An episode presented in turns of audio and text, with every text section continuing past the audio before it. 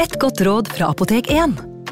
Nå er snart pollensesongen i gang, og et godt råd til deg som sliter med pollenallergi, er å begynne behandlingen i god tid før allergisesongen starter. Da får du nemlig enda bedre effekt av legemidlene, og så blir ikke våren din helt ødelagt. Kom innom og få råd på ditt nærmeste Apotek 1, eller chat med oss på apotek1.no. Apotek 1 vår kunnskap, din trygghet.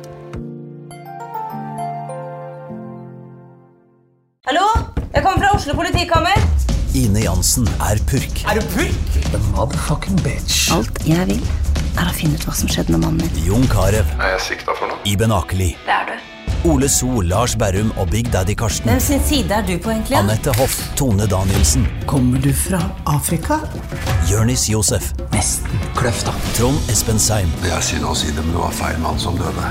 Purk. Premiere tirsdag på TV2 Play. Ungsamtalen fra DNB er økonomisk veiledning tilpasset deg som er ung. Bokk en ungsamtale på dnb.no. slash ung. Det er kjempebra hvis du skal inn på boligmarkedet, hvis det er drømmen din, liksom. Det er det du skulle sagt. Og så kunne du ropt litt mer, da, sånn som jeg gjorde. Bam! Advarsel. Historiene vi forteller i denne podkasten kan være fiktive og avvike fra den opprinnelige historien av dramaturgiske årsaker. Meninger og påstander i historiene reflekterer nødvendigvis ikke programledernes meninger eller virkeligheten.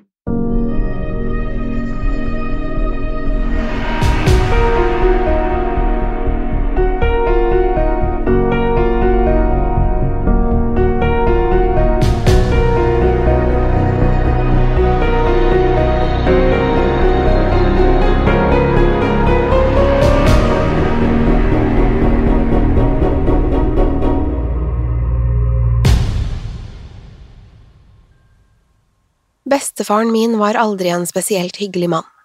Han falt vel kanskje innenfor kategorien grinete gammel gubbe. Han hadde en rekke helseplager som gjorde at han var nødt til å bo sammen med meg og foreldrene mine. Likevel gjorde jeg alt jeg kunne for å unngå å være sammen med ham. Dette så alltid ut til å plage faren min. Han sa alltid at jeg burde være mer sammen med bestefar. Faren min gjentok alltid at jeg kunne lære mye av ham. Så fulgte han opp med å fortelle at bestefar ikke kom til å være der for alltid, og at jeg kom til å angre når jeg ble eldre. Jeg svarte alltid like halvhjertet. Da bestefaren min gradvis ble verre, begynte faren min å tvinge meg til å være sammen med ham, men for hver gang ble jeg bare mer irritert. Det var alltid en blanding av fordomsfulle kommentarer, hvor skuffet han var over meg og mine valg. En kveld jeg kom litt sent hjem, sto fremdeles middagen på komfyren. Da jeg gikk for å hente meg en tallerken, ropte faren min at jeg skulle ta med en porsjon til bestefar også. Jeg hadde umiddelbart tenkt til å protestere, men jeg orket ikke å krangle. Motvillig fant jeg frem to tallerkener og gikk mot soverommet til bestefar. Idet jeg åpnet døren hans, kjente jeg lukten av sigarer og billig whisky. Den bleke og hengslete mannen satt midt i rommet i en stor lenestol. Blikket hans var festet på TV-en, og han snudde seg ikke engang for å hilse. Hva er det du vil? sa bestefar med en streng og grov stemme. Jeg hadde bare vært der inne i noen sekunder, men var allerede irritert. Her er maten din, svarte jeg og satte fra meg tallerkenen på nattbordet hans. Jeg håpet at det skulle være slutten på samtalen, og snudde meg for å forlate rommet. Dessverre var han mer pratsom i dag. Vent litt, sa bestefar. Var det alt?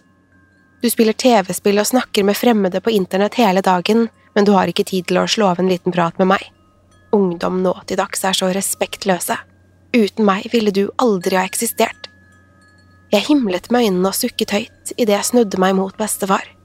Deretter gjorde jeg det klart at jeg hadde ekte venner, og at jeg gjorde mer enn å snakke med fremmede på internett. Jeg var ikke interessert i å høre på hans konservative tirader. Bestefar snurret stolen mot meg. Det spiller ingen rolle, sa han. Begge dine foreldre vet hvor viktig vårt ettermæle er, men det virker som at jeg er den eneste som prøver å vedlikeholde det. Jeg visste at jeg kom til å angre, men jeg var likevel nødt til å konfrontere han. Hva er det du snakker om? begynte jeg. Du var i militæret, mamma er boligmegler og pappa jobber på et kontor. Dere har vidt forskjellige karrierer. Hva er det egentlig du forventer at jeg skal videreføre? Bestefar ristet på hodet. Faren din har åpenbart ikke fortalt deg noen ting, og moren din bare later som ingenting. Selvfølgelig overlater de alt til meg. Til tross for alderen og alle helseplagene skjøt han opp av stolen. Han dro ut en krakk og ba meg om å sette meg ned. Jeg tenkte meg litt om. Selv om jeg ikke forsto hva han snakket om, hadde han fanget oppmerksomheten min. Jeg regnet med at jeg kom til å bli skuffet, men jeg satte meg likevel ned. Bestefar tok en slurk med whisky og et drag av sigaren før han begynte å fortelle historien sin.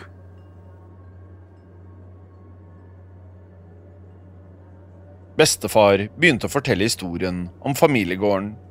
Foreldrene hans hadde vært fattige, og bestefar hadde tidlig forstått verdien av hardt arbeid. Hele barndommen besto av å arbeide på gården.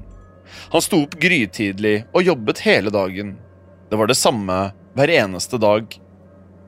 Jeg kunne ikke forestille meg å leve på den måten. Men bestefar kjente ikke til noe annet. Bestefar hadde alltid hatt et nært forhold til moren sin. Hun kom ofte inn på rommet hans om kvelden og fortalte historier. Fortellingene handlet stort sett om skogen som omringet gården. Moren hans fortalte om alle skapningene som hadde holdt til i denne skogen. Hun beskrev skikkelser som prøvde å stjele menneskebarn, vesener som utga seg for å være mennesker og dyr, og store insekter med overnaturlige krefter. Disse skapningene holdt ikke bare til i skogen, man fant dem i alle skyggelagte områder på jorden. Men hun fortalte alltid bestefar at det ikke var noe å være redd for. På slutten av alle historiene var det alltid det samme budskapet. Hun fortalte bestefar at han var spesiell, og at det alltid var noen som beskyttet han. Kråkene holder alltid øye med deg, sa hun. De følger med på oss alle, men du er unik. Kråkene passer på deg, og de bryr seg om deg, for de vet at du kan utgjøre en forskjell.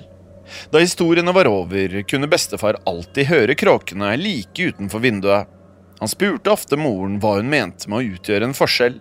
Hun bare smilte og pekte mot vinduet. Bare se opp på trærne. Kråkene vil alltid lede deg i riktig retning, svarte hun. En kveld hadde faren hans overhørt en av disse historiene. Han ble rasende og stormet inn på rommet. Faren hadde grepet moren i armen og røsket henne mot seg. Hvorfor forteller du om disse eventyrene? skrek han. Du skal aldri fortelle sønnen min noe sånt igjen. Ikke bak ryggen min i mitt eget hjem. I neste øyeblikk så han at bestefar satt og skalv i sengen. Rommet var helt stille i et lite øyeblikk. Så dro faren hans moren ut av rommet. Han smalt igjen døren mens han fortsatte å skrike til henne. Bestefar kunne høre lyden av dempede skrik og hulking. Og da det endelig ga seg, klarte han ikke å sove. Han ble liggende i mørket mens han prøvde å kvele gråten.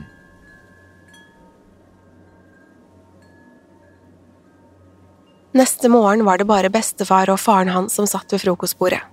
Bestefar prøvde å presse ned en porsjon med egg og bacon, men han var altfor bekymret for å spise. Hvor er mamma? spurte bestefar etter en liten stund.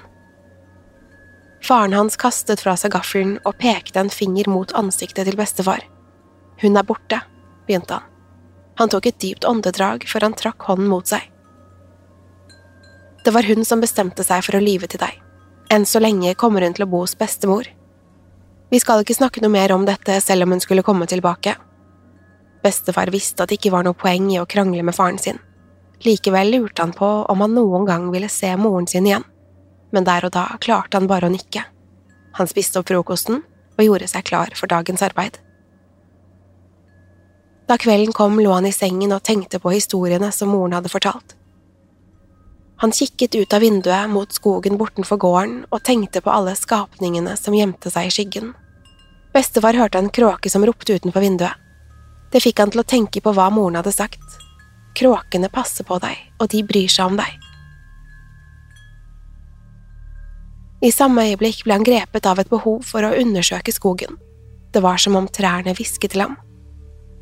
De kalte på han og oppfordret han til å oppsøke en ukjent skjebne. Uten å tenke seg om listet han seg ut av sengen og stakk hodet ut av døren. Han kunne høre at faren snorket inne på soverommet sitt. Bestefar tok på seg en ytterjakke og fant frem en lommelykt og en jaktkniv. Deretter listet han seg ut i mørket. Bestefar listet seg over gårdsplassen helt til han kom til slutten av grusveien som ledet til gården. Han skrudde ikke på lommelykten før han var helt fremme ved skogkanten. Han beveget seg sakte innover den mørke skogen. Selv om han ikke visste hvor han var på vei, var det noe som fikk han til å fortsette. Han lyste foran seg med lommelykten, og av og til hørte han en kråke i det fjerne. Det føltes som han gikk i timevis. Trærne lignet på massive tresoldater som lente seg mot ham. Han kunne høre stemmer som kalte på han, og skikkelser som beveget seg i skyggene. Bestefar vurderte å snu og løpe tilbake til huset. Moren hans hadde fortalt hva som skjedde med de som oppholdt seg for lenge i mørket. Hver gang han begynte å få panikk, hørte han et beroligende kra-kra eller lyden av vinger som slo. Dette minnet han på at han var trygg så lenge kråkene passet på ham. Han fortsatte å gå gjennom skogen, helt til han kom til en lysning.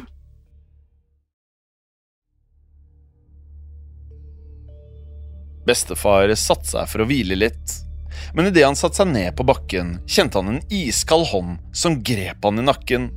Han snudde seg og slo mot skikkelsen. Deretter slapp han ut et skrik og fant frem jaktkniven.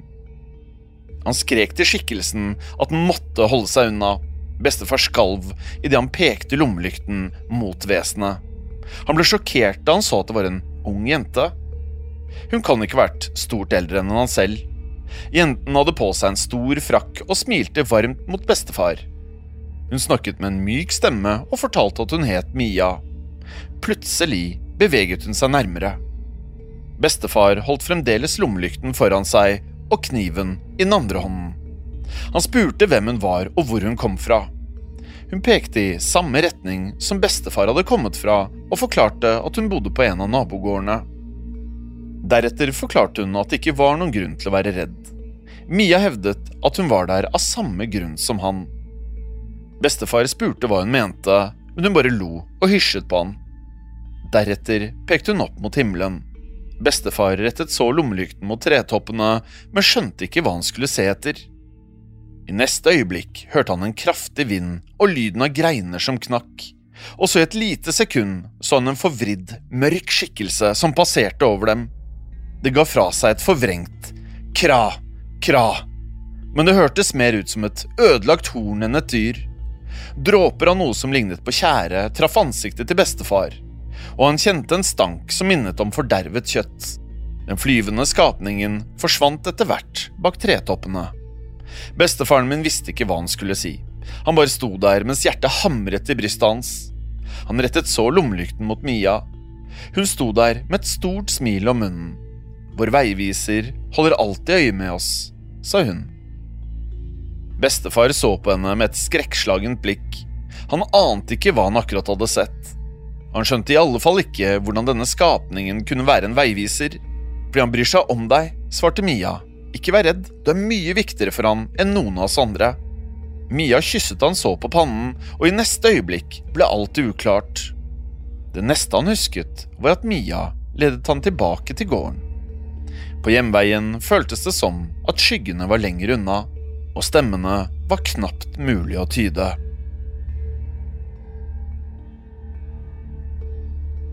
Da de var tilbake ved huset, kunne han ikke lenger høre noen av stemmene. Det var bare så vidt mulig å tyde et svakt kra-kra i det fjerne. Bestefar hadde fremdeles en rekke spørsmål om hva han akkurat hadde opplevd. Mia smilte og lovet at hun skulle komme tilbake og svare på alt han lurte på. Han måtte bare møte henne ved enden av grusveien som ledet til gården. Det gikk ikke en dag uten at bestefar og Mia traff hverandre.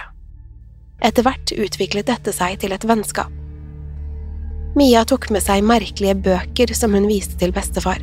Her var det bilder av kråker og andre skapninger. I begynnelsen møttes de etter solnedgang, men snart traff de hverandre også på dagtid. Bestefar begynte å dra inn til byen for å kjøpe gaver til henne, og dersom faren hans reiste bort i en dag eller to, inviterte han med seg Mia inn i huset. En natt bestefar trodde at faren hans skulle overnatte i byen, bestemte han seg for å la Mia sove over. De studerte de merkelige, men fascinerende bildene og tekstene. Men i neste øyeblikk ble de avbrutt av lyden av inngangsdøren som smalt igjen. Faren skulle egentlig ikke være hjemme før neste dag, så bestefar trodde først det var en innbruddstyv. Han fortalte Mia at hun skulle gjemme seg mens han fant frem jaktkniven. Bestefar løp mot døren, men da han kom frem, så han at det var faren hans som sto der. Han holdt en halvtom whiskyflaske i den ene hånden og en revolver i den andre. Hvor er jenta? gryntet han. Jeg vet ikke hva du snakker om, svarte bestefar. Det tror jeg at du gjør. Jeg vet at du har sneket deg ut av huset for å treffe den heksen. Jeg kan ikke tillate svart magi i mitt hjem. Bestefar skulle til å protestere, men faren hans avbrøt ham. Deretter tok han en stor slurk av whiskyflasken. Det hun og moren din har gjort, er en fornærmelse mot Gud. Jeg kan ikke tillate min egen sønn blir fordervet på den måten. Uten å tenke seg om hevet bestefar jaktkniven. Men før han rakk å peke den mot faren, kjente han et smell mot tinningen som sendte ham i gulvet. Da bestefar kviknet til igjen, hørte han faren sin stemme mens han lette gjennom alle rommene i huset. Han hørte at faren ropte Hvor er hun? Om igjen og om igjen.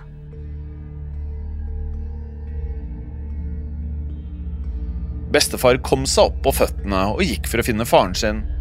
Bestefar kastet seg over han, men var snart tilbake på gulvet igjen. Denne gangen fulgte faren opp med å sparke han i magen. Jeg gjør dette for din skyld, skrek faren hans.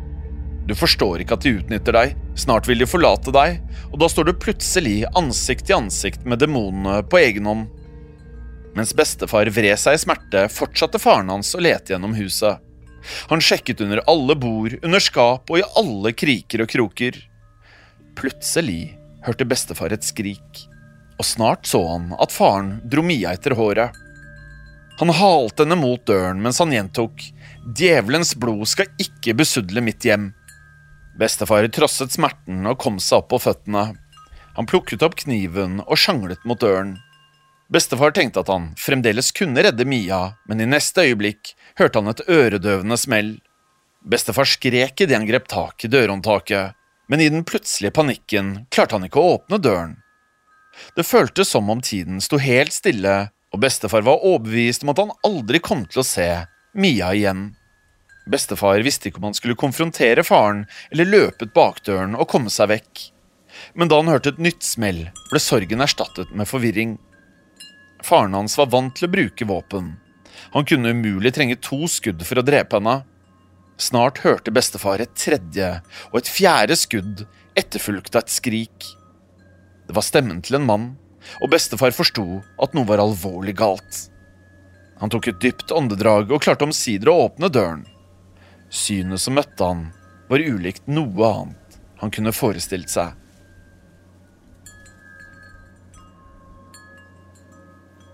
Mellom Mia og faren hans sto en stor skikkelse som lignet på en kråke. Bestefar kjente den samme ubehagelige stanken som han hadde lagt merke til i skogen. Beina til skapningen var menneskeaktige, men bøyde seg i feil retning. Langs siden hang de lange, bleke armene med krokete fingre. Den hadde et skjevt nebb med det som lignet store jeksler langs siden. Det var likevel øynene som virkelig skilte seg ut. De var store, hvite sirkler med røde blodårer som ledet inn mot de pulserende pupillene. Bestefar så hvordan skapningen studerte faren hans. Han forsto at det ikke bare var et vilt dyr. Dette var et intelligent vesen som vurderte situasjonen før den angrep. Bestefar hørte faren sin be om tilgivelse, han skrek at han var en gudfryktig mann, og lovet at han aldri skulle skade noen igjen. Skapningen ble stående og studere han før den strakk ut de gigantiske vingene. Bestefar kunne se frykten i faren sine øyne. I neste øyeblikk begynte det kråkeaktige dyret å harke opp en mørk væske. Deretter hevet det blikket og begynte å prate i en dyp og forvridd stemme. Det finnes ingen gud, og heller ingen djevel, sa skikkelsen. Det finnes bare sannhet.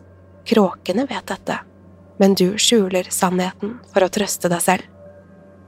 Skapningen stanset for å hoste opp mer av den mørke væsken. Du vet hvem vi er. Du vet at ordet vil spre seg. Sannheten vil vare evig. Du vil ikke lenger kunne ignorere den.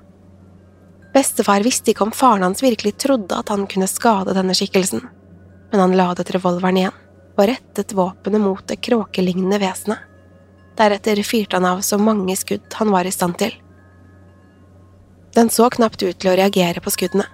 Skapningen bare slo med vingene før den ga fra seg et forvrengt kra-kra.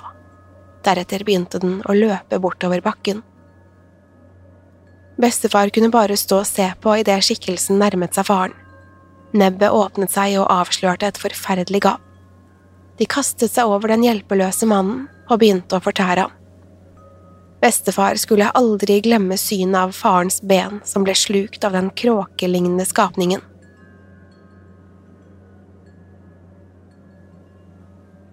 Skikkelsen forsvant like plutselig som den dukket opp. Bestefar ropte etter Mia. Han ville vite om hun var uskadd, men hadde også en rekke andre spørsmål. Han ville vite hva som egentlig hadde skjedd, og hva det var som hadde spist faren hans. Hvorfor hadde denne skapningen beskyttet henne, og hvor var den nå? Bestefar ble lettet da han skjønte at Mie var uskadd. Hun var redd, og stemmen hennes skalv da hun åpnet munnen. Kråkene passer på deg, og de bryr seg om deg. I ukene som fulgte, solgte bestefar dyrene, store deler av tomten og alt han hadde av verdisaker. Han beholdt huset og prøvde å gjøre det komfortabelt for Mia, som ventet et barn. Bestefar vervet seg i marinen og sendte penger til Mia hver eneste måned. Etter noen år forlot de gården og slo seg ned i byen. Fortellingen til bestefar hadde fascinert meg. Jeg forsto fremdeles ikke hvorfor han hadde fortalt den. Han smilte da jeg spurte hva som var poenget med historien. Du er neste i rekken, begynte han. Min rolle var å forsikre meg om at du ble født, og at du kjenner familiens historie. Så tok han et drag av sigaren. Kråkene har holdt øye med meg hele livet. De har beskyttet meg fra alle slags mørke krefter. De ga meg ekte kjærlighet og et barn. Jeg trodde det var ut av godhet, men ingen vet egentlig hvorfor. Men de har fortalt meg én ting. Jeg lente meg nærmere for å høre hva han skulle si. En profet vil bli født og forandre alt for det bedre. Han skal skape en ny og mer rettferdig verden, og denne profeten er deg. Jeg visste ikke hvordan jeg skulle tolke denne informasjonen. Det føltes som han prøvde å tulle med meg, eller så hadde han bare mistet forstanden. En liten del av meg ville selvfølgelig at det skulle være sant. Kanskje det faktisk var noe i det? Jeg er fremdeles usikker. Jeg har aldri følt meg spesiell, og det føltes ikke som jeg kom til å forandre verden på en meningsfull måte.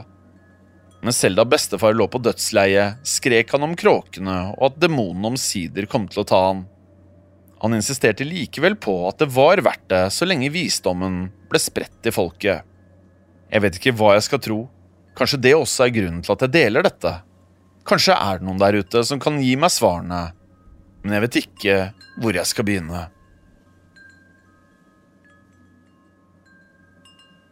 For en liten stund siden var det noen som prøvde å rane meg.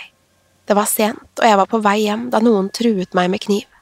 Jeg fortalte han at jeg ikke hadde noen penger på meg, men det var åpenbart ikke godt nok. Men idet jeg var sikker på at jeg skulle bli angrepet, ble raneren angrepet av tre kråker. De klorte og hakket på ham, og en av dem holdt på å rive ut øynene hans. Jeg tror han aldri kommer til å se igjen. Var dette bare en ren tilfeldighet, eller var det bevis på at bestefar hadde rett? Jeg vet riktignok at jeg kan høre et gjenkjennelig kra-kra utenfor vinduet mitt mens jeg skriver dette, og når jeg kjører forbi skogen på vei til jobb, føles det som om trærne lokker på meg.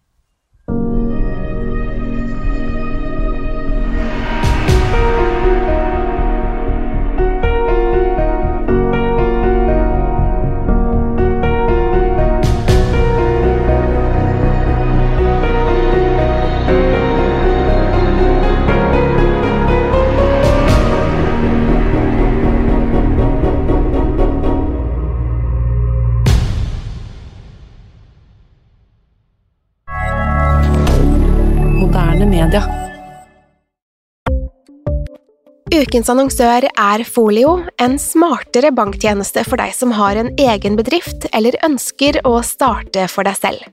Folio er en superenkel nettbank for bedrifter. Som kunde i Folio får du en bedriftskonto med et bedriftskort og app. I denne appen er det smarte løsninger som forenkler regnskapet ditt, uansett om du har en liten bedrift eller et enkeltpersonsforetak. Folio er både intuitivt og brukervennlig, og er laget med et enkelt språk. I tillegg tilbyr de forutsigbare priser og ingen skjulte gebyrer. Skulle du likevel trenge det, så kan du snakke med deres raske og hyggelige kundeservice, og der får du prate med en faktisk person og ikke en chatbot. Folio er med andre ord både enklere og koseligere enn banken. Over 10 000 bedrifter har allerede valgt Folio som sin banktjeneste, så besøk folio.no og se hvordan Folio kan forenkle din hverdag også.